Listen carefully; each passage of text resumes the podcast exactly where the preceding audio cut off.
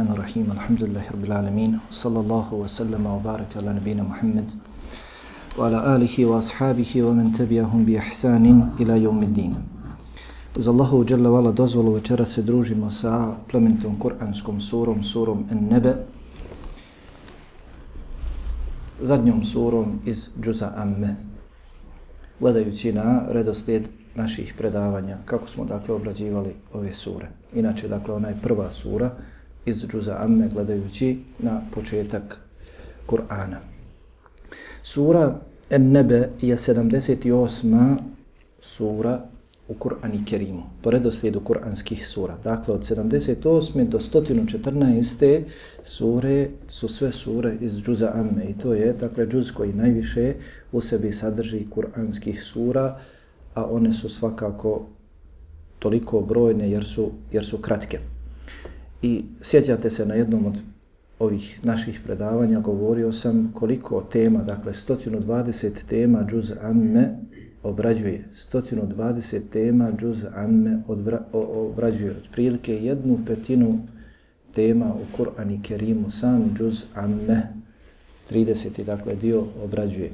Zbog toga dakle mnogi preporučuju da se džuz amme mnogo iščitava, izučava, proučava i mnogi i ranije, a narošto u naše vrijeme pisali su tefsire, komentare samo na ovaj džuz Kur'ani Kerima. Dakle, sura Nebe je 78. Kur'anska sura. Prije nje otvorimo li mushaf, vidjet ćemo da se nalazi sura El Mursalat, a poslije nje nalazi se sura En Nazijat, čiji smo komentar imali priliku slušati prošlog ponedjeljka.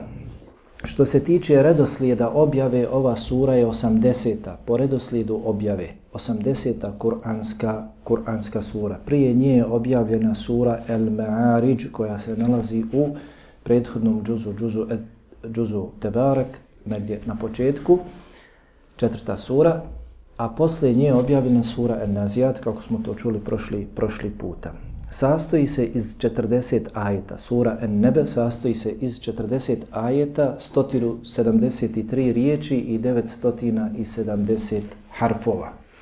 Najpoznatije ime ove sure je En-Nebe. Najpoznatije ime ove sure je En-Nebe. I dobila je ime po istoj riječi koja se spominje u drugom kuranskom ajetu ove sure, kada Allah dželle kaže Anin nebe il azim. An en nebe el azim. Dakle, riječ nebe spominje se u drugom ajetu ove sure i po njemu je sura i dobila, dobila ime. Također od često korištenog imena za ovu suru jeste i amme. Sura amme dobila je ime po prvoj riječi u ovoj suri. Amme je tesa elun. Kod imama Buharije njeno ime je amme je tesa elun po cijelom prvom ajetu. Također kod pojedinih komentatora Kur'ana ova sura se naziva Tesaul. Tesaul. Tesaul je infinitiv od glagola upotrebljenog u prvom ajetu. Amme je tesaelun. Tesaele je tesaelu. Tesaul. Pa ova sura naziva se također Tesaul. Jedno od imena ove sure jeste i El Mu'sirat. El Mu'sirat. A to ime, odnosno opis, jeli, oblaka iz kojih Allah dželle spušta kišu, također se spominje u ovoj, u ovoj suri. Sve to spominje ko želi detaljnije Ibn Ašur u svome vrijednom dijelu poznati Tahir Ibn Ašur koji je održao je tako najkraću, najkraću hutbu u historiji. Spominje u svome vrijednom dijelu Et Tahriru Wat Tenvir. Što se tiče vrste ove sure, ona je mekanska sura, svi komentatori se slažu, komentator Kur'ana se slažu da je sura Amme, ili sura Nebe, da je mekanska sura. I mnogi prenose i jednoglasno mišljenje komentatora Kur'ana po tom pitanju, poput imama Kurtubija, poput Alusija, Razija, Ibnul Dželzija i mnogih, mnogih drugih. A i od uh, Abdullah ibn Abbas, Abdullah ibn Mas'uda radijallahu anhum se prenosi da su rekli sura Amme je tesaelun objavljena je u Mekki. Cilj ove sure, dakle otprilike čuli smo njen prijevod, cilj ove sure je potvrda sudnjeg dana potvrda sudnjeg dana s mnogobrojnim dokazima, čuli smo i vidjet ćemo kroz komentar malo detaljnije, i govor o sudnjem danu. Govor o sudnjem danu. Cilj ove sure i sam njen početak i njena sredina i pogotovo njen završetak vezan je za, za sudnji dan. Dakle, sura En-Nebe govori o istinitosti proživljenja na drugome svijetu, spominje brojne dokaze, Allah subhanahu wa ta'ala za istinitost proživljenja, brojne dokaze na zemlji, od stvaranja zemlje, nebesa, spuštanja kiše, e, iznicanja rastinja i mnogo čega drugog, a zatim u polovini ove sure, od polovine ove sure Allah dželle vala počinje govoriti o drugom svijetu, počinje govoriti o džehennemu i stanovnicima džehennema, zatim na drugoj stranici, odnosno 30. ajeta počinje da govori o stanovnicima dženneta i nekim blagodatima koje će uživati u džennetu i pred kraj također završava jeli, Allah subhanahu wa ta'ala govor ove sure u ovoj suri završava o sudnjem danu, njegovoj blizini i njegovoj pogubnosti za one koji su bili daleko od imana i dobrih dijela. Dakle, Allah dželovala nakon bismile s kojim je razdvojio ovu suru, suru nebe od prethodne sure Il Mursalat, kaže Amme jetesa elun. Amme jetesaelun. Dakle, nismo imali vremena govoriti malo o teđvidu. Ovo kada se uči Amme jetesaelun, treba jeli, odužiti četiri dužine. Amme jetesaelun, Dakle, treba odužiti četiri dužine. Ova prva dužina je koja se spominje, jer je ona med mutasil u istoj riječi nalazi se i uzročnik dužine i obična dužina. E, prevodi se amme sa o čemu oni jedne druge pitaju, o čemu se oni raspituju, o čemu oni međusobno jedni druge zapitkuju. Mušrici, mnogobošci. Ovdje je dakle govor o njima o čemu mušrici mnogobošci se raspituju, ispituju, odlaze jedan drugome, pitaju o čemu. Allah subhanahu wa ta'ala u, drugo, u drugom ajtu kaže anin nebe ila dhim, o velikoj vijesti. O velikoj vijesti. Zato je kružio govor među njima, raspitivali su se od jednog do drugog, čudili su se. Velikoj vijesti. Šta je velika vijest? Šta se misli ovdje pod velikom vijesti? I zbog čega su se oni toliko raspitivali? Zašto su se čudili? Poslije će Allah subhanahu wa ta'ala u trećem majtu da kaže da su se podijelili oko te velike vijesti. Pa su jedni povjerovali. Neki su prihvatili, neki nisu prihvatili, neki su počeli da izmišljaju od sebe mnogo šta. Kod komentatora Kur'ana postoje tri mišljenja šta je en nebe el alim. Pazite, bilo je dovoljno da se kaže ani nebe. Nebe, ha, kako je prevedeno? O vijesti velikoj, jeli? O velikoj vijesti, o vijesti velikoj. Kako? Ima tako jedna riječ koja je kod nas poznata kao vijest. Arapska riječ koja se kod nas koristi. I mi kažemo često, haber. Haber. Kažu za žene, haber nose. Ha. A ima i nas takvi, nismo ni ništa bolji. Pedeka. Haber. Međutim, haber se koristi za bilo koju vijest. A za posebnu, za veliku vijest koristi se nebe. Riječ. Ha. Od toga poznato nam je, kako se kaže na arapskom vjerovjesnik, nebi. Nebe, nebi. Zašto? Zato što je on došao sa velikom vijesti. S posebnom vijesti od Allaha. Ha. Pa je bilo dovoljno da se kaže ani nebe. O čemu se oni raspravljaju, o čemu oni govore, raspituju se, ani nebe. Još Allah dželavala kaže el azim. I te kako velikoj vijesti. Koja ih je zabrinula, koja ih je začudila, koji su morali nekako da odbiju, da pronađe, pronađu nekakva tumačenja za nju. Pa komentatori Kur'ana spominju tri mišljenja. Prije svega da se pod velikom vijesti misli na Kur'an. O čemu se to oni raspituju, razgovaraju o Kur'anu. Allah subhanahu wa ta'ala u suri Sad slično kaže. Zbog čega su komentatori zauzeli ovo mišljenje. Kul huwa nebe'un azim. Reci, on, Kur'an je velika vijest. Allah prejasno kaže u suri Sad u 67. ajetu. Reci, on, Kur'an je nebe azim velika vijest. Zbog čega su komentatori uzeli, jedni komentatori uzeli stav da je ovdje pod nebe el azim da se misli na Kur'an. Drugi komentatori kažu da se misli na poslanika Muhammeda sallallahu alaihi ve sellem. Raspitivali su se, razgovarali, ubjeđivali, odbijali, počeli da iznose svakakve uh, priče, kazivanja povodom poslanika. Otkuda on bude poslanik kada je čovjek kao i mi? I treće mišljenje jeste da se misli na sudnji dan. Treće mišljenje kod komentatora da se pod riječi en nebe el azim, velika vijest, misli na sudnji dan, proživljenje. Jer je poznato da mnogobožci Mekke nisu vjerovali u proživljenje, nisu prihvatali, poznato je, govorili, govorio sam mnogo kroz džuz amme o tome. Nisu nikako vjerovali, smijavali se, vjerovali su u Allaha. Vjerovali su da postoji Allah, vjerovali su da Allah stvara, da Allah održava, da Allah daje obskrbu i sve. Međutim, da će se vratiti Allahu, da će biti proživljenja, ne. Naprotiv, ismijavali se, čuli smo o tome prošli puta na početku sure Nazijat. Koliko se ismijavali. Ako budemo vraćeni u zemlju i postanimo zemlja i kosti truhle, istruhnu nam i te kosti i da budemo proživljeni, e baš će to biti velika šteta za nas. Ako budemo proživljeni. Ismijavali se. Pa ovdje kažu treći komentatori Kur'ana da se misli na proživljenje. Nema smetnje, kako kaže šeheh Mohamed ibn Salih al-Usaymin, rahimahullahu ta'ala, uvijek u ovakvim situacijama, ukoliko jedan ajet može da obuhvati više mišljenja, nema smetnje da se odnosi na sva, na sva mišljenja. Pa dakle, velika vijest odnosi se na poslanicu Muhammeda sallallahu alaihi wa sallam, da je on Allahov poslanik, a učinjen je postao je Allahov poslanik sa Kur'anom, a taj Kur'an govori o istintosti proživljenja. Nema smetnje da se pod velikom vijesti misli na sve.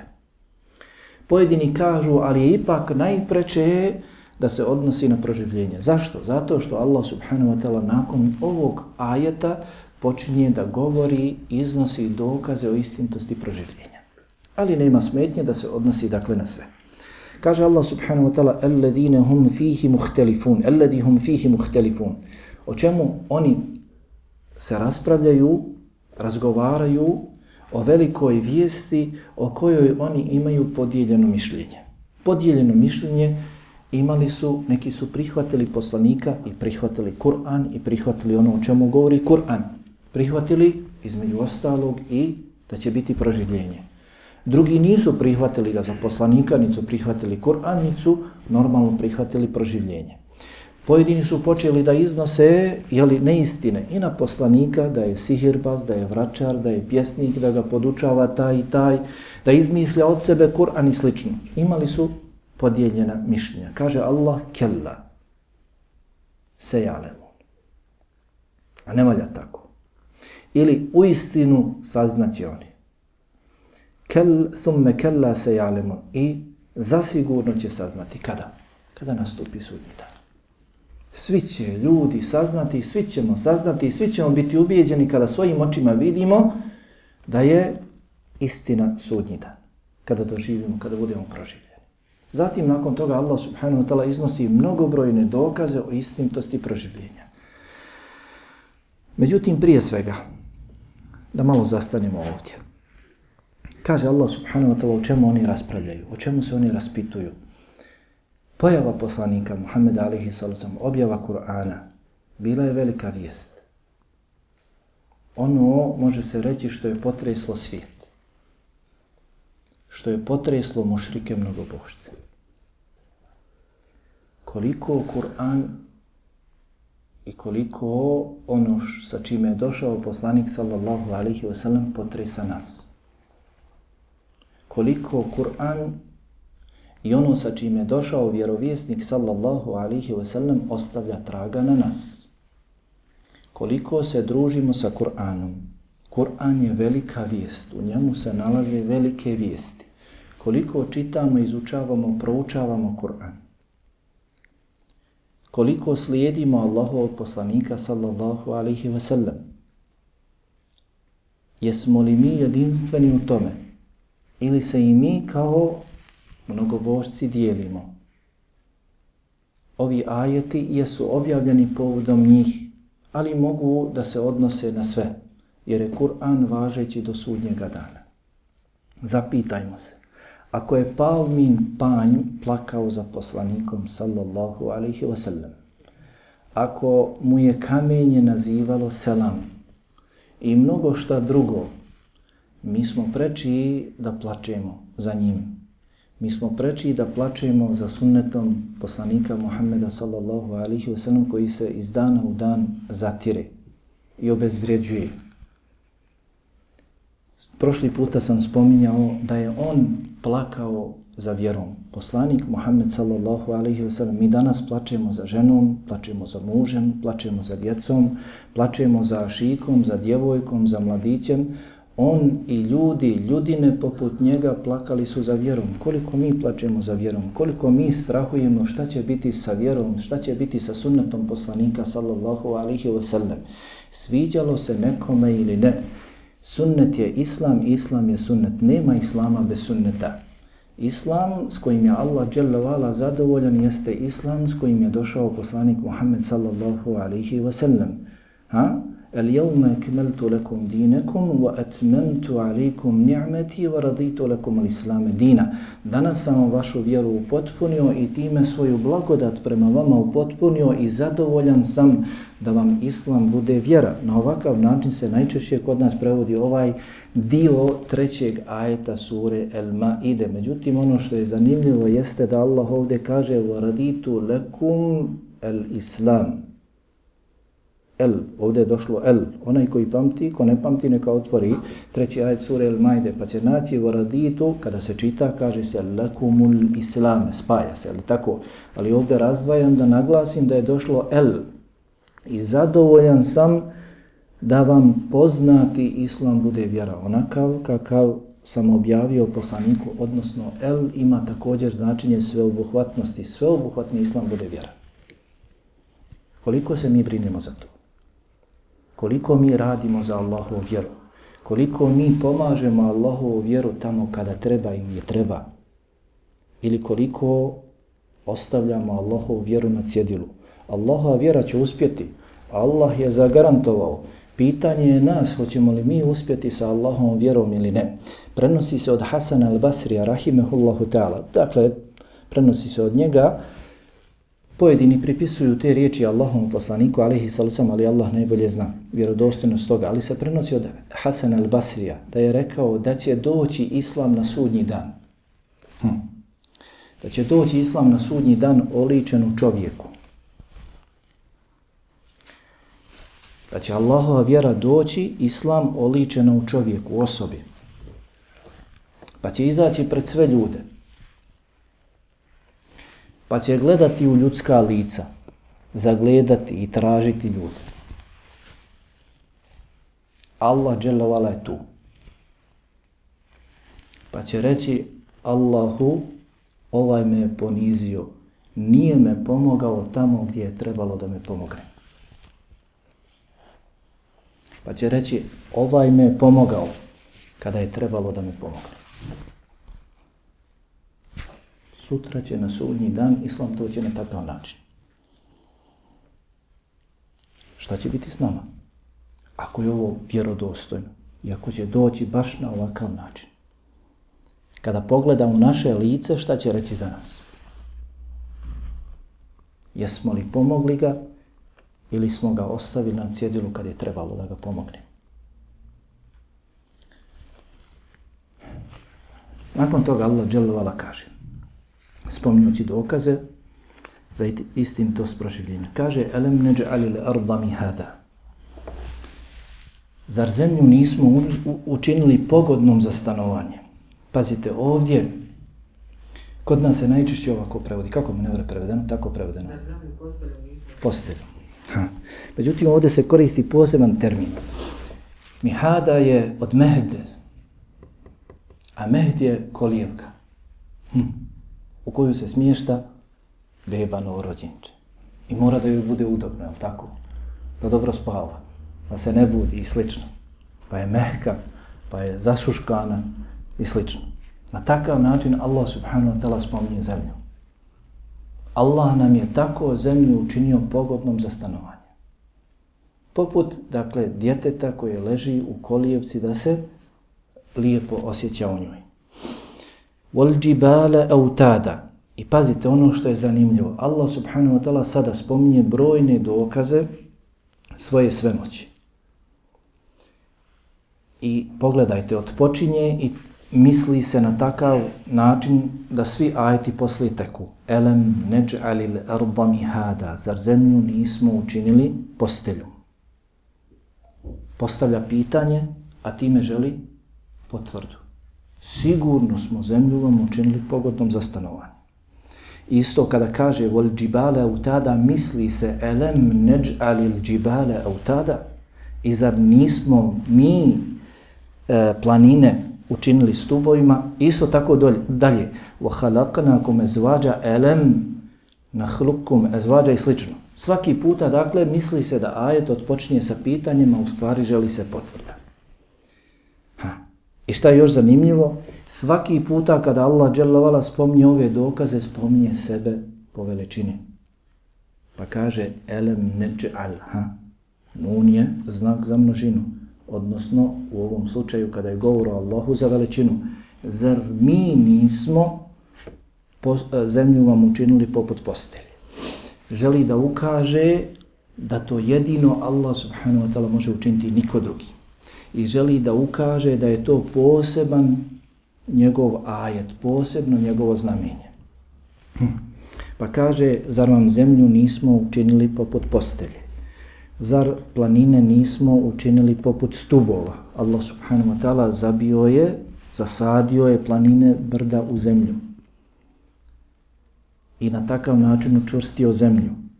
وَحَلَقَنَاكُمْ اَزْوَاđَ I zar vas nismo stvorili u parovima? Sve što je Allah stvorio, stvorio je u parovima. I o tome govori Kur'an u mnogim mjestima. Jedini je Allah, el-vitr, neparan. Sve što je Allah stvorio, stvorio je paru. Zašto? Zato što je sve stvoreno potrebno nekoga. Allah je jedan jedini, nije potreban nikoga. Sve stvoreno je potrebno da se nadopuni u potpuni s drugim. Allah dželovala je sve mogući i nikomu nije potreban. O ljudi, kada biste se svi vi i prvi i zadnji i džini i ljudi i prvi i zadnji od prvog do zadnjeg sakupili da Allahu doprinesete neku korist, vi ne znate u čemu je korist za njega Da mu naštetite, vi ne možete mu naštetiti jer ne znate u čemu je šteta za njega. Kada biste sakupili da nekoga okoristite, ne možete okoristiti osim onoliko koliko je Allah propisao i slično brojni šerijetski tekstovi koji govore o tome. Hm.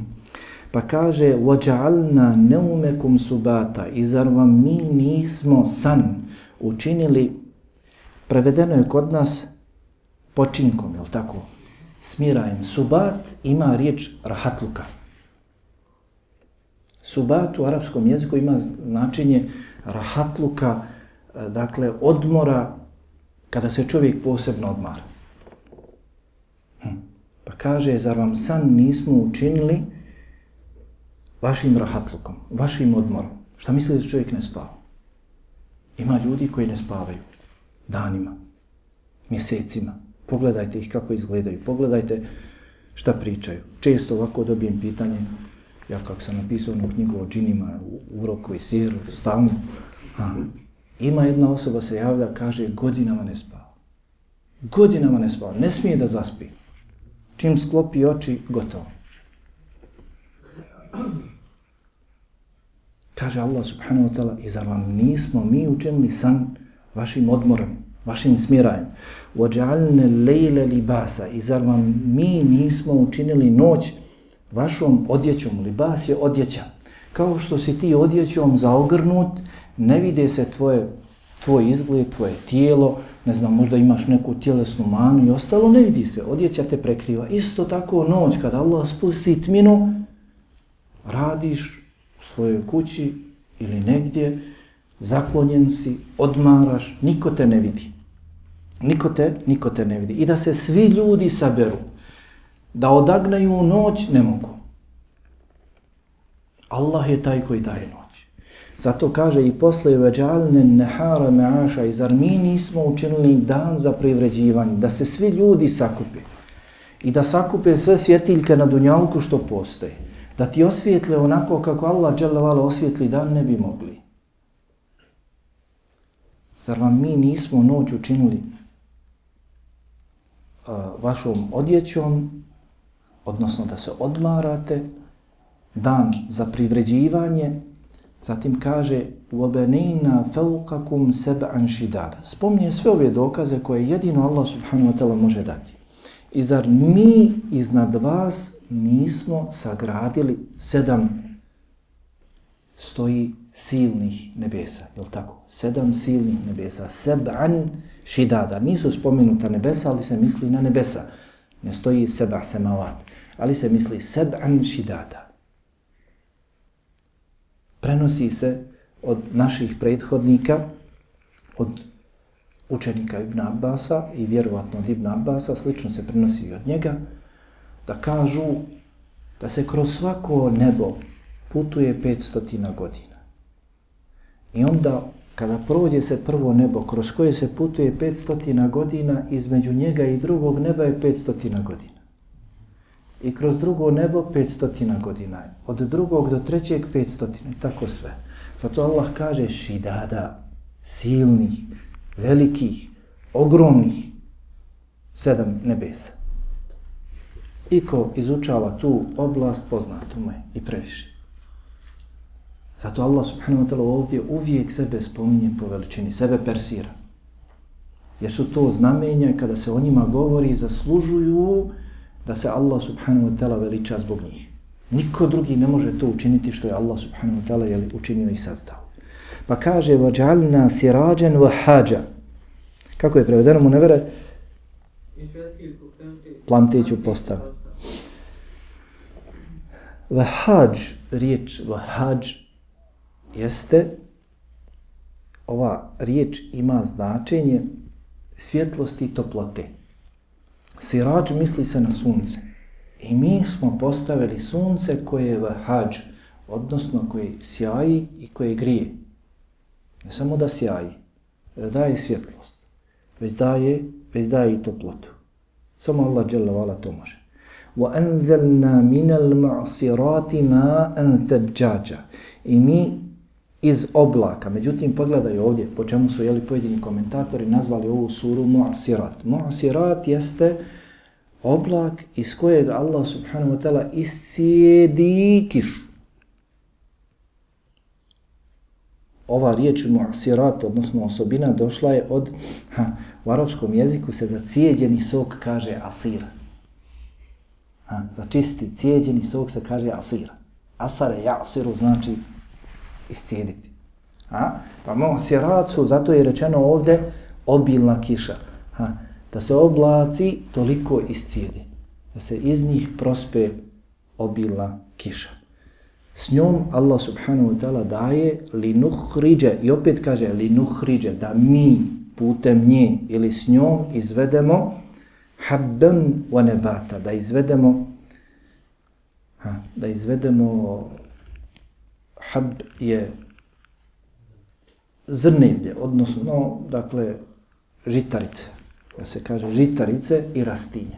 Sa tom kišom da mi izvedemo iz zemlje za vas žitarice i rastinje o džennatin elfafa i bašće, i bašće gusti.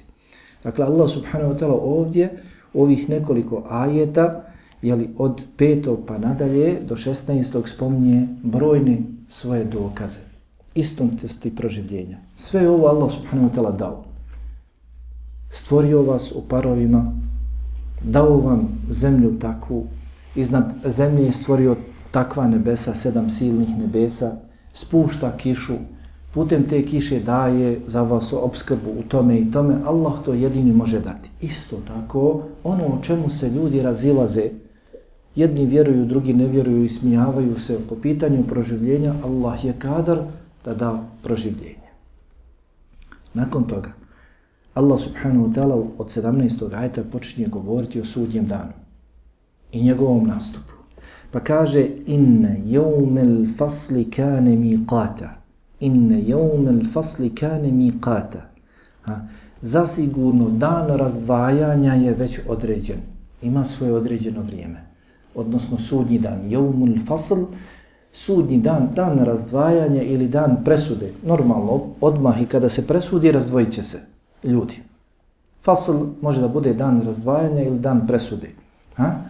Pa svejedno, i nakon presude ljudi će se razdvojiti. Dakle, sudnji dan na kojem će se presuđivati i kada će se ljudi razdvojiti na vjernike i nevjernike je određen. Hm?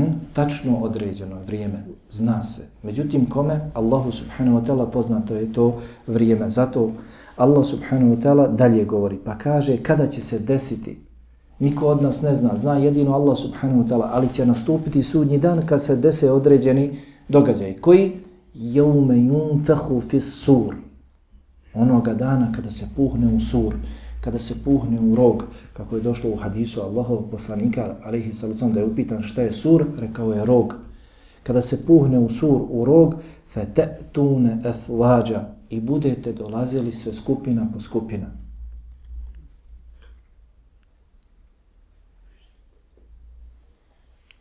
Allah subhanahu wa ta'ala u suri Marijam, ha? Samo kada bismo čitali Kur'an s razumijevanjem i sa izučavanjem, proučavanjem.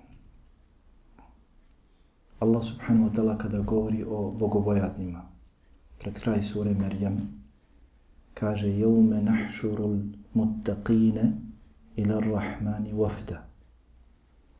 Onoga dana kada bogobojazni proživimo i budu dolazili svemilosnom u vidu delegacija. Baš ovdje vrft spominje se. Onoga dana kada proživimo bogobojazne i budu dolazili sve milosnom Ar-Rahmanu kao delegati, kao delegacija. Kako se ide kad ideš u delegaciji nekoj? Ha? Najljepše si obučen, je li tako? Namiri se. U najljepšem izgledu jer te dočekuju posebni. A pogledaj, Allah subhanahu wa ta'ala te tada dočekuje Da budemo takvi, Allahum. Amin. Nakon toga kaže وَنَسُوقُ الْمُجْرِمِينَ إِلَا جَهَنَّمَ وِرْدَ I kada budemo vukli nevjernike ka džahennemu. Kad ideš u delegaciji, ideš da što prije se susretniš. Jer te čekaju čeka tamo gostoprinstvo i čekate je li mnogo šta od blagodati tamo. A kada govori o nevjernicama, kaže one su kul muđrimini, kada budemo vukli muđrime, odnosno nevjernike, ila džehennem, do džehennema. Jer ne, ne može da ide da leti on do džehennema, kao što će vjernik da leti do svemilosnog, Allaha dželavala. Ne, on neće, on će se opirati, pa će ga vući. Hm. Pa će jedni dolaziti u ovim skupinama, a drugi će dolaziti u ovakvim da nas Allah sačuva skupinama. Ha, jeume yunfahu fissur fe te'tune efvađa. Ovdje se dakle misli na drugo puhanje u sur. I kada se drugi puta puhne u sur i budete dolazili u skupinama. Dakle, kada bude proživljenje, drugi puta se puhne u sur, Allah nas proživi i počnemo dolaziti Allahu subhanahu wa ta'la u skupinama. Wa futihati sema'u fekanet ebvaba i kada se nebesa otvore i bude mnogo vrata, bude mnogo prolaza na nebesima. Govorio sam o tome u suri Al-Fajr, koliko se sjećate, pred kraj prve stranice, kada se spominje dolazak Meleka, na sudnji dan, kada nastupi sudnji dan i meleki počnu dolaziti, kada se nebesa počnu otvarati, da meleki siđu sa nebesa.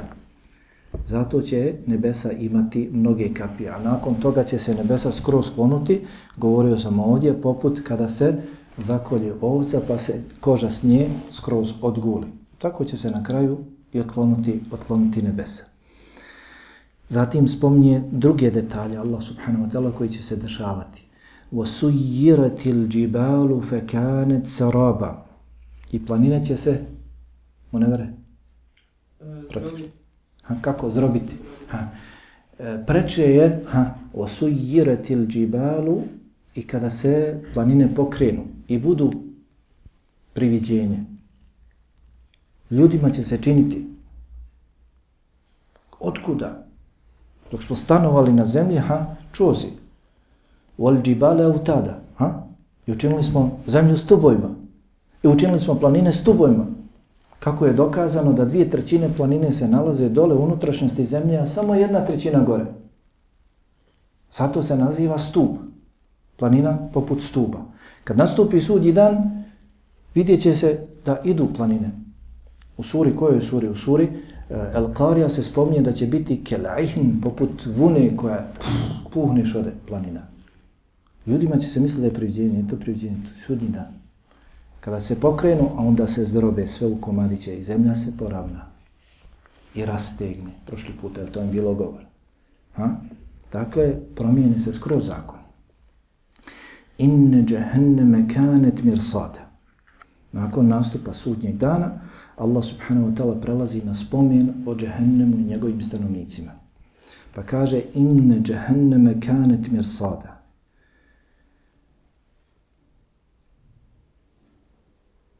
Prevedeno je, džehennem će postati zasjeda. Hm. Međutim, ha, kod nas ima ime, tako, mirsad i mirsada. Znači, takva žena i takav, ha, momak su zanka, jel, zasjeda. Ha? Pa ko se ulovi, ulovi.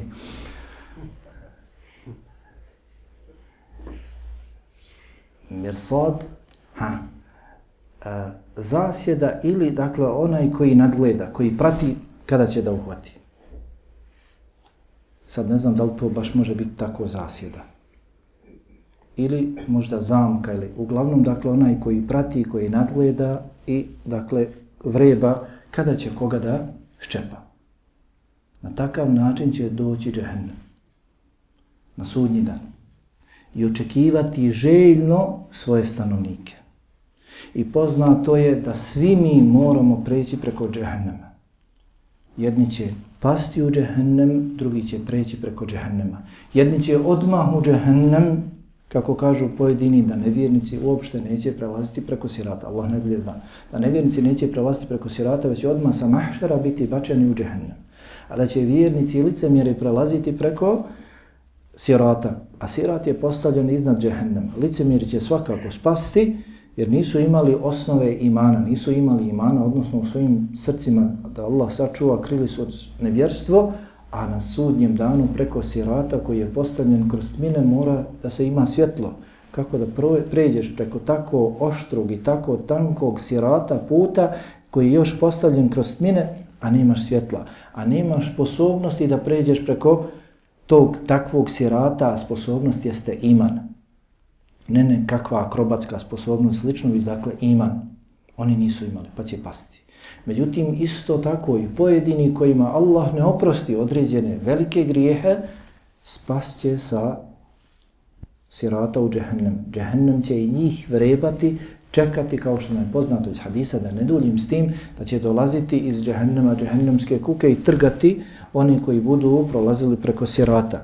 Da će dolaziti džehennemski planovi, plamenovi i pržiti one koji budu prolazili odnosno koji budu sporo se kretali po siratu, zavisno od svojih malobrojnih, manjkavih, dobrih dijela na dunjalku. Ha. Pa zamisli na to, inne džehenneme kanet mersada, dakle da će džehennem vrebati, nadgledati, kada će koga da ščepa od prolaznika. Spominje se, ha, zanimljivo, Ibn Kathir, rahimahullahu ta'ala, kaže, neće niko neće ući u džennet sve dok ne prođe preko džehennema. Pa ako bude imao kod sebe, ovako kaže na arapskom, ako bude imao kod sebe dževaz. Dževaz je u arapskom jeziku pasoš, putna isprava. Nećeš moći ući u džennet i nećeš moći preći preko džehennema, ne možeš da pređeš s ovog kraja džehennema na drugi kraj i da uđeš u džennet bez pasoša. Kaže, a pasoš je iman i dobra djela. Džavaz jeste pasoš, odnosno iman i dobra djela. Ha? A onaj koji ne bude imao, u džehennem će pasti. I Allah subhanahu wa ta'ala u suri Marijem spominje, prošli puta sam spominjao, i minkum illa variduha kjane ala rabbike hatme maqdija. I nema nijednog od vas da neće biti izložen džehennemu i to je presuda tvoga gospodara zasigurno je li donešena. Ko će pasti u džehennem i za koga je džehennem posebna zamka, posebna zasjeda, koga posebno vreba, kaže li tagin, oholnicima, oni koji su se uzdizali. Dakle, kada bismo zastali kod svakog ajeta, možemo izvući brojne poruke i pouke. Ne možemo, prate, sutra preko džehennema preći tek tako. Ako želiš da pređeš preko džehennema, ako želiš da brzo pređeš, da te ne dotaknu džehennemske kuke, da te ne dotaknu džehennemski plamenovi, moraš na dunjaluku brzo ići ka Allahu subhanahu wa ta'ala. Moraš kod sebe imati mnoga lijepa dobra djela. Da lijepo činiš dobra djela, iskreno i po sunnetu poslanika sallallahu alaihi wa sallam. Ovakve ajte svako treba od nas da sebi stavi pred oči. Danas se mnogo šta radi na osnovu onoga šta će ko reći oko nas. Ovakve ajete treba svako sebi da stavi pred oči. Šta će biti sutra sa mnom na sudnjem danu? Taj što je danas, juče ili sutra što će govoriti o meni ovakav sam ili onakav sam, de malo, ha? neće ga biti sutra na drugom svijetu. Ja ću morat sam prelaziti preko tog sirata. Neće niko mene krke uzeti pa prenijeti preko sirata i sačuvati me džahennema. Ako se ja ne budem borio za džennet na svome dunjavku. Ha? Čuvajmo se oholosti. Evo Allah kaže lita me aba oholnicima će džehennem biti mjesto boravka, zasigurno. Čuvajmo se da se oholimo općenito nad svemu, a prije svega nad Allahovom vjerom kad nam se nešto kaže da iz Allahove vjere pogotovo donese nam se jasan dokaz, to obavezno moramo prihvatiti. Natjerajmo se koliko možemo da radimo po tome. Odgajajmo svoje duše da radimo opet, recimo da je u tome kori za nas. Nećemo raditi po tome da bismo udovoljili onome koji nas je podučio o tome, obavijestio o tome, ne, radi našeg dobra. A zatim i nad svim drugima čuvajmo se oholosti da se uzdižemo. Hm. Kaže, labi sine fiha ahqaba, u njemu će ostati vječno. Oholnici. Oni koji se budu oholili nad Allahom, Allahovom vjerom, Allahovim poslanikom, sallallahu alaihi sallam, i slično, ko se bude oholio, njemu nema izaći iz džahnema. Došlo je da u džennet neće ući onaj u čijem srcu bude i trunka oholosti. Allah najbolje zna, neće ući prvobitno u džennet, ali onaj koga bude ispunjavala oholost i pogotovo koji bude imao oholost, oholio se nad Allahom vjerom, on neka ne očekuje ulazak u džennet. La yezukune fiha berdan wala sharaba. Dakle, oholnici koji se oholi nad Allahom vjerom, bit će vječno u džehennemu. I šta će biti im u džehennemu? Kaže Allah, la yezukune fiha berdan wala sharaba doslovan prijevod, u njemu neće okusiti hladnoće niti pića. Ali se ne misli na to, nego misli se na ugodne hladnoće. Neće imati hladovine, niti će imati ukusna pića. Poznato je da ima pića u džahnemu, a sad će ga Allah spomenuti. Poznato je da ima hladovine, odnosno hladnoće i kakve hladnoće, je tako? Došlo je u hadisu da dva godišnja doba, ljeto i zima, su onda kada je najveće, najveća ljetna vrućina i najveća zimska hladnoća, da su to, to, to dva odraza džehennema. Da je Allah subhanahu wa ta'ala dao džehennemu da dva put godišnje odahne, da izbaci iz sebe ono najteže. Pa to je najveća vrućina i najveća hladnoća. I tako jedno, jedna od kazni u džehennemu će biti i hladnoća, najveća hladnoća ali hladovine nema. I nema ukusna pića. Kako ima piće, kaže illa hamimen wa gasaka. Neće imati pića osim hamima i gasaka. Osim vrele vode. Hamim jeste dakle voda koja ključa. To će biti piće. Voda koja ključa. Zamisli dunjaočku vodu koja ključa.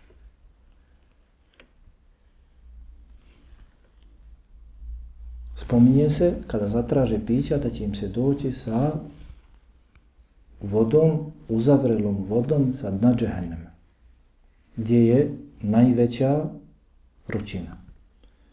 Ebu Talib će biti, ha, gdje će biti Ebu Talib? Amidža poslanika, sallallahu alaihi sallam, gdje će biti? U plićaku, je li tako? A šta će mu od tog plićaka biti? Mozak. Ključat mozak. Dobro, ako će ključat mozak, šta će biti s onim do mozga? Još više ključan. I gdje je to? Plićako. Pa 70 godina dublje dole, dno džehennema. I od ozdo se dolazi sa uzavrelom vodom. U suri Kefil tako stoji ješfil vuđuh. Kad donese im se voda, jeste tražili da pijete, jesmo, evo voda. Sad na džehennema. Primakne se licu, suri Al-Kef stoji, spadne meso s lica, sve. Samo se primakne ovako do usta da trebaju da piju. I šta misliš kad popiju? Nasallallahu alaihi wa sallam. Da Allah sačuva. Ha? Neće imati osim vrele vode. Neće imati piće osim vrele vode. I gasak kapljevine, odnosno gnoja, krvi, znoja, suza. To će biti piće. Gnoj, krv, ono što izlazi iz spolnih organa, krv poput hajza i slično, kapljevina, to će im biti piće. Kaže Allah, jaza en vifaqa. To će im biti kazna prikladna, odnosno to su zaslužili. Tako je bilo njihovo ponašanje na Dunjaluku. Allah je pravedan. Allah je objavio knjigu, slavo poslanike, koji su jasno dostavljali, pojašnjavali, konkretno, poslanik Muhammed sallallahu alaihi sallam najviše, Allah obećao da će sačuvati knjigu, Allah obećao preko svoga poslanika da će u svakom vremenu dati skupinu koja će biti na istini, da bude svjedok protiv svih drugih, Allah dao dokaze. Donio, dakle, opravdanje protiv svih. Niko neće čuti, kaže poslanik Alihi Salucam, za mene i ono sa čime sam došao, bio iz moga umeta, kršćanin ili židov, pa ne povjeruje u mene da neće biti stanovnik vatre. Sve je jasno pred svima. Ko radi dobro, u svoju korist radi. Ko radi zlo, na svoju štetu radi. Džeza'em i faka. To će biti odgovarajuća nagrada.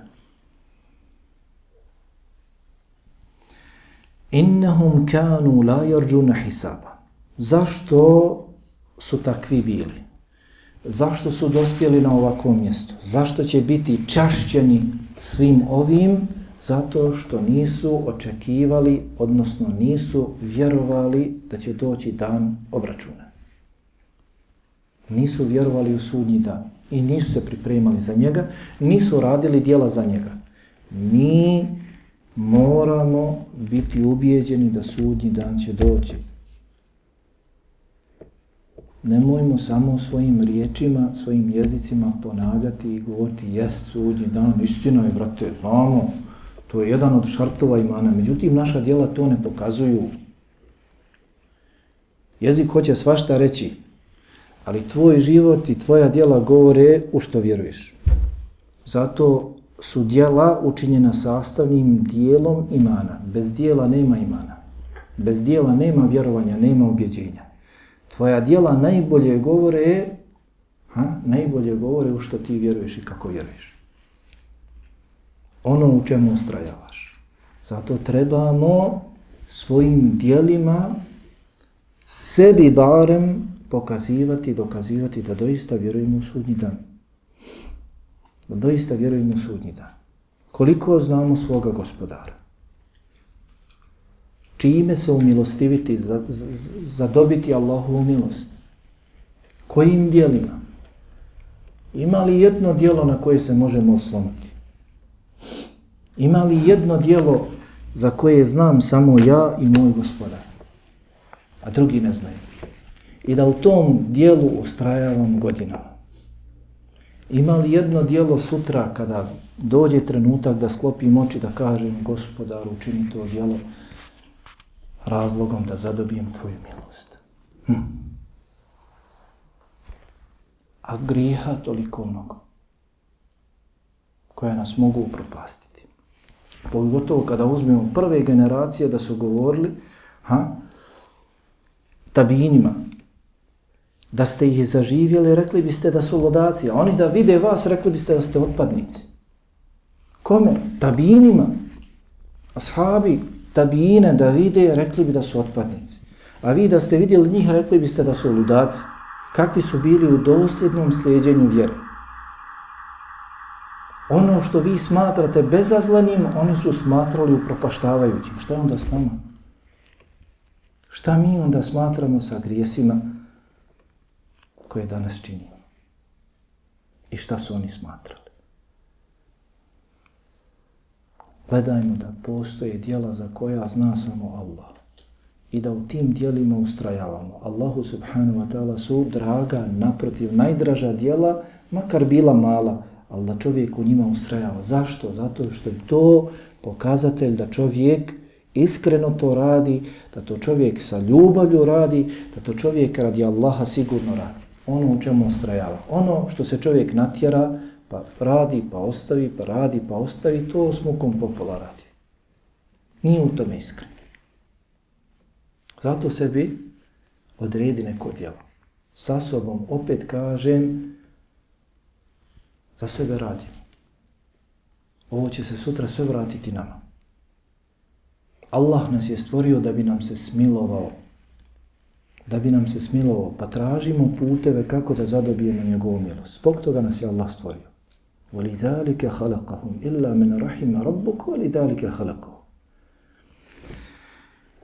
Kaže Allah subhanahu wa ta'ala innahum kanu la yarjuna hisaba. Oni nisu očekivali da će račun polagati, odnosno nisu vjerovali u to. Wa kadzabu bi ayatina kizaba. I pretjerano su poricali naše dokaze, odnosno ne samo da su poricali, već su utjerivali u laž i one koji su dolazili s tim dokazima, poslanike, vjernike, i smijavali se s njima. Kedzebe ju kedzibu znači, znači utjerivati u laž. Ne samo da ne vjeruju u to, već i one koji vjeruju njih pokušavaju odvratiti i utjerati u laž. وَكُلَّ شَيْءٍ أَحْصَيْنَاهُ كِتَابًا A mi smo sve to zapisali u knjizi. Mi smo sve to pobrojali i zapisali.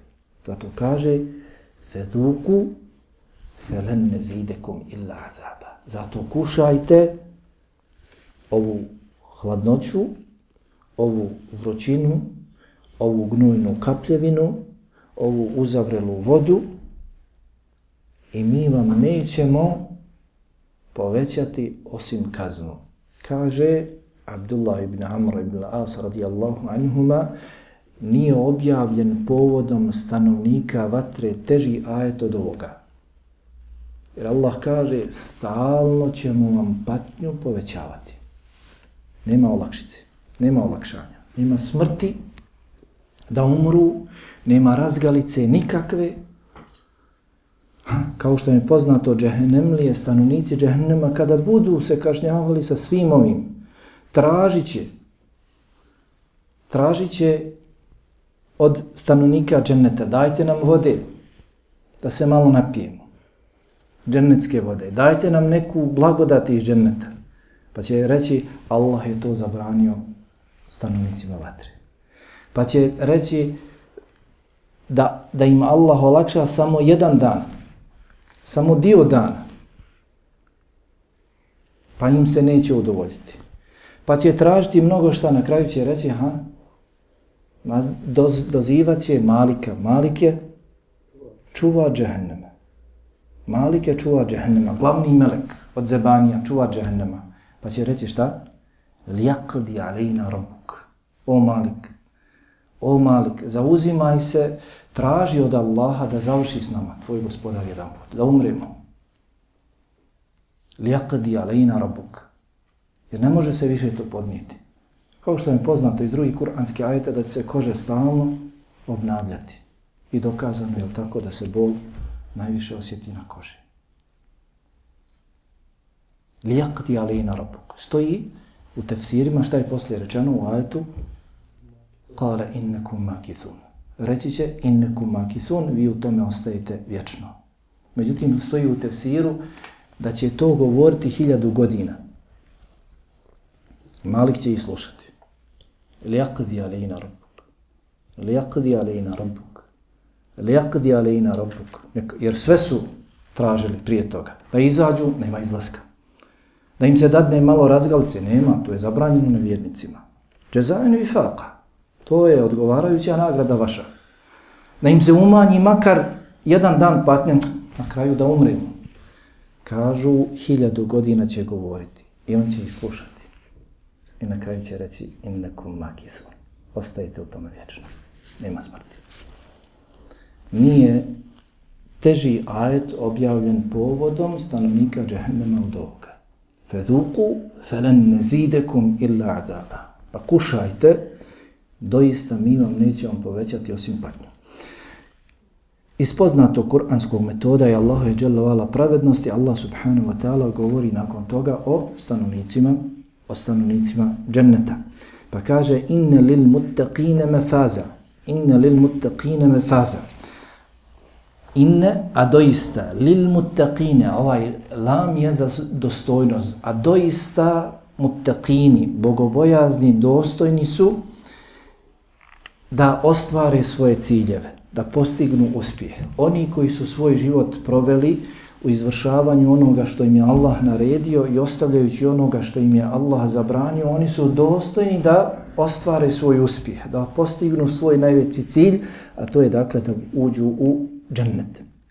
Pa kaže, hadaiqa wa a'naba, a u tom džennetu bit će bašće i vinogradi hadaiqa wa a'naba, njih su dostojni bogobojazni, da borave u njima, u tim bašćama, u tim vinogradima bogobojazni. Isto tako, odgovarajuća nagrada. Wa kewaibe etraba, ha? smije se ljepota. Jo, još da znaš u tefsiru, ha? Kaže Pezi da nije ove kamere, ovog mikrofona pokazao vam šta znači ovo je traba. Wa vajbe etraba, ha? A, I djevojke mlade, da ugasi, ja? Kaver. Ajde, ne. O kevajbe traba, ha, prevedeno je i djevojke mlade godina istih. Čuli ste, ha? Jest ovako se, onaj malo se brko i nasmijuo i na ušima se vidi i ostalo, ha? Međutim, kako je rekao jedan od naših prethodnika, što ima u džennetu, rekao ima poslanik sallallahu alaihi wa sallam. Ima gledanje u plemenito lice Allaha dželovala. To su najveće nagrade. Jeste i ovo, kao što je jedna od blagodati, jednog duživanja žena na dunjalku, isto tako i na ahiretu. Allah dželovala hoće da upotpuni svoje blagodati svojim pokornim robovima i na drugom svijetu u džennetu. Međutim, dakle, ovo su najveće blagodati društvo poslanika sallallahu alaihi wa sallam i gledanje u njegovo plemenito lice. Wa اَتْرَابَ etraba wa ke'sen dihaqa i pehari puni. Ke's, pehar, velika čaša. Ha? Dihaqa, puna, dakle, ispunjena pićem. Jel? La yasma'una fiha lagwan wala kidhaba. Hm? U njemu, u džennetu, u tim bašćama, u tim vinogradima, dok budu pili to prelijepo piće, dok budu se zabavljali sa takvim djevojkama, la yasma'una fiha lagwan wala kidhaba. Neće slušati nikakve besmislice, nikakve jeli, ružne govore, niti laže. Zašto? Zato što loš govor, zato što laž čovjeka uznemiri. Međutim, džennet je ha, daru selam, kuća mira, kuća spasa, u kojoj nema, dakle, čak ni tog takvog uznemiravanja, da ti neko kaže nešto loše. Ne. Dakle, jer džennet je potpuno Allahova subhanahu wa ta'ala blagodat. Jaza'en mir rabbike ata'en hisaba. To će biti nagrada od tvoga gospodara. To će biti nagrada od tvoga gospodara ata'en hisaba. Jeli, to će biti kao Allahovo davanje za ono što su oni radili. To će opet Allah subhanahu wa ta'ala dati od sebe. Jer nemoguće što god da radimo, da možemo svojim dijelima da takav džennet zaradimo. Pa će to biti od Allaha ata. Dakle, davanje od Allaha subhanahu, subhanahu wa ta'ala.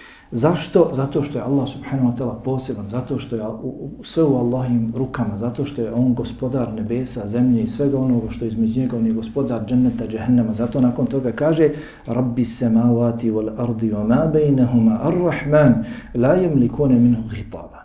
On je gospodar nebesa i zemlje i onoga što je između njih. On je svemilosni. Zato on to daje svojim pokornim robojima. On je gospodar nebesa i zemlje. Mnogo je bilo stvorenja na nebesima, mnogo je bilo stvorenja na zemlji. ovo su pokorni robovi. Zašto da im ne dadnem to na uživanje?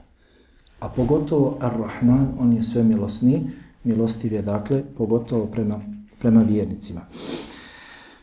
La yamlikune minhu hitaba, niko neće, kako je prevedeno, niko neće smjeti razgovarati, progovoriti, riječ prozboriti na, na sudnjem danu. Sada Allah subhanahu wa ta'ala jeli, završava govor o sudnjem danu i spominje dakle, njegovu blizinu i njegovu težinu, ponovo se vraća dakle na početak tog sudnjeg dana. Pa kaže jeume kumu ruhu wal melaiketu safa la yetekellemun illa men edine lahu rahman wa kale savaba.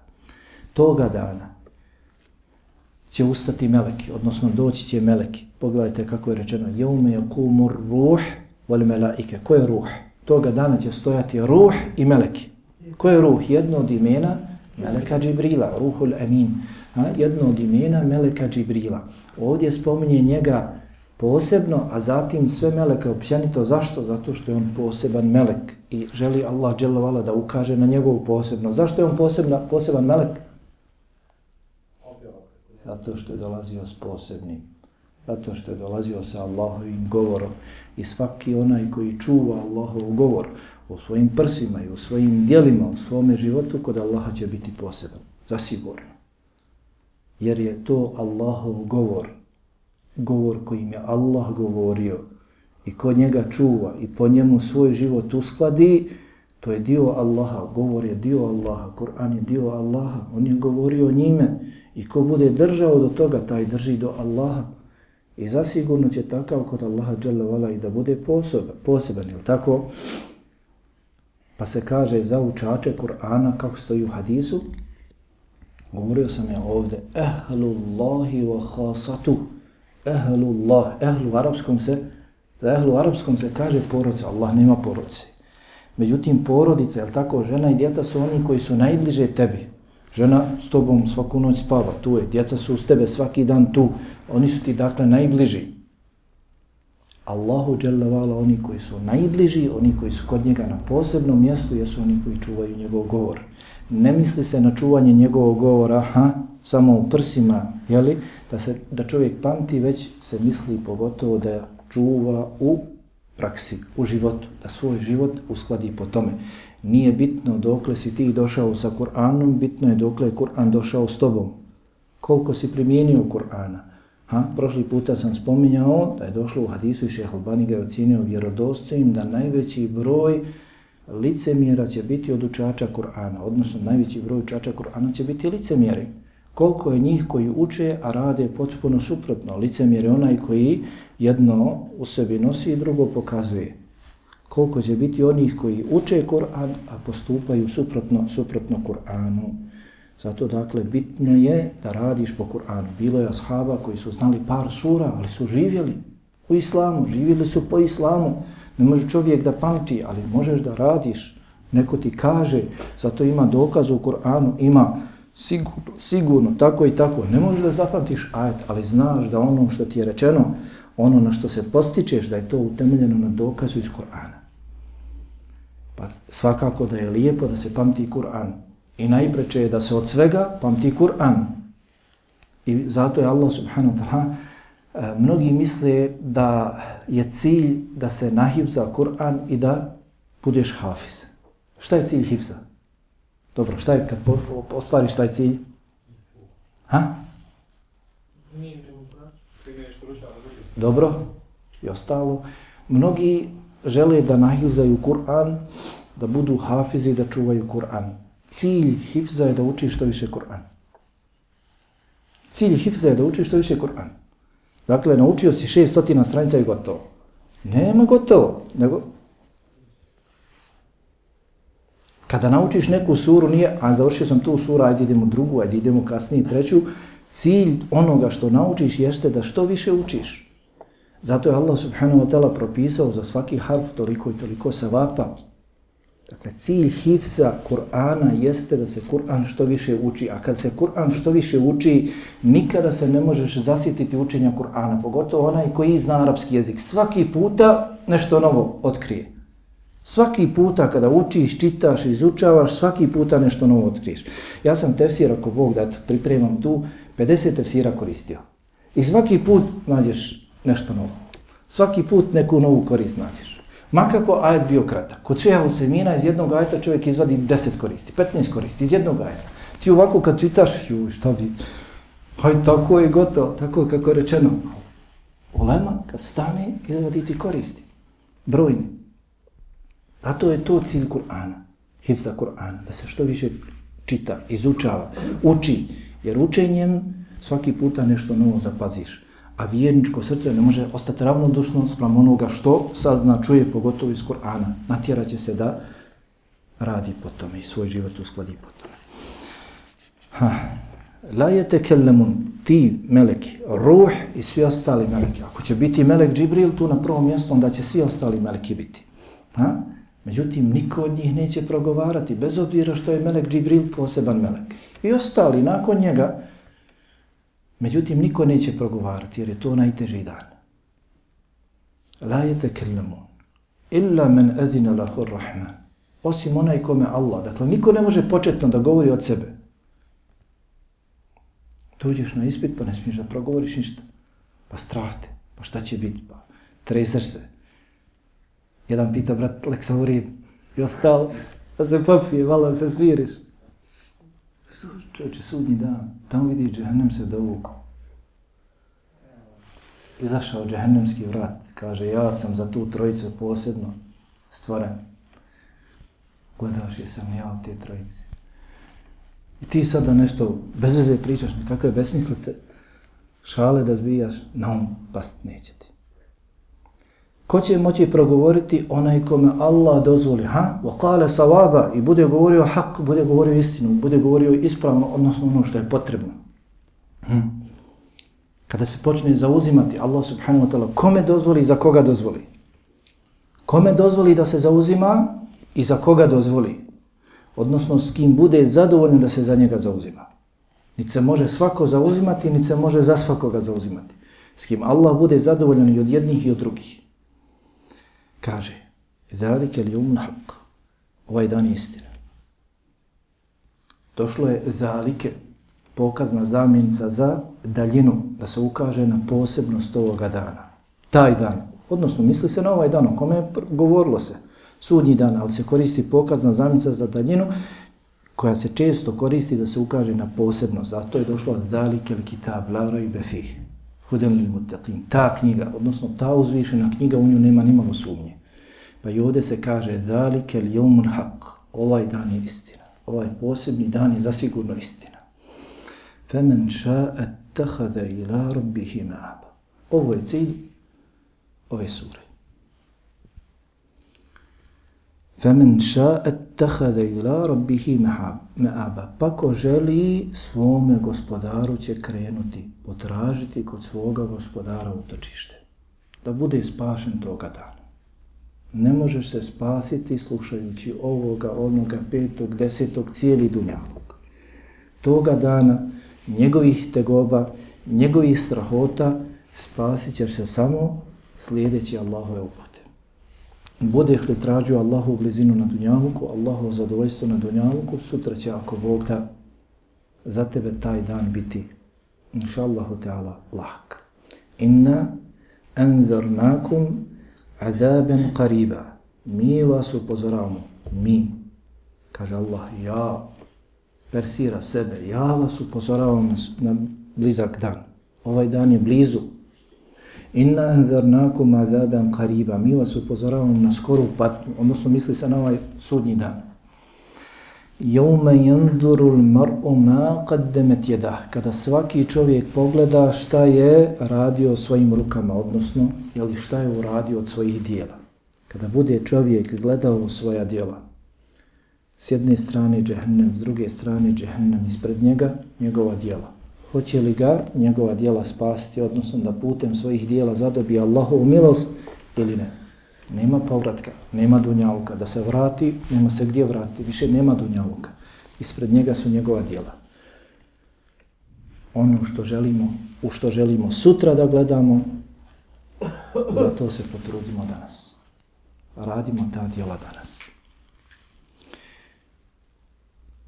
وَيَقُولُ الْكَافِرُ يَا لَيْتَنِي كُنْتُ تُرَابًا I kada nevjernik kaže kamo sreće da sam bio zemlja. Kamo sreće da nisam stvoren, da sam ostao ona materija od koje je stvoren čovjek. Da sam ostao zemlja. Da nisam stvoren, da nisam živio, da nisam prohabavao to što sam prohabavao od uživanja, blagodati, da sam bio zemlja.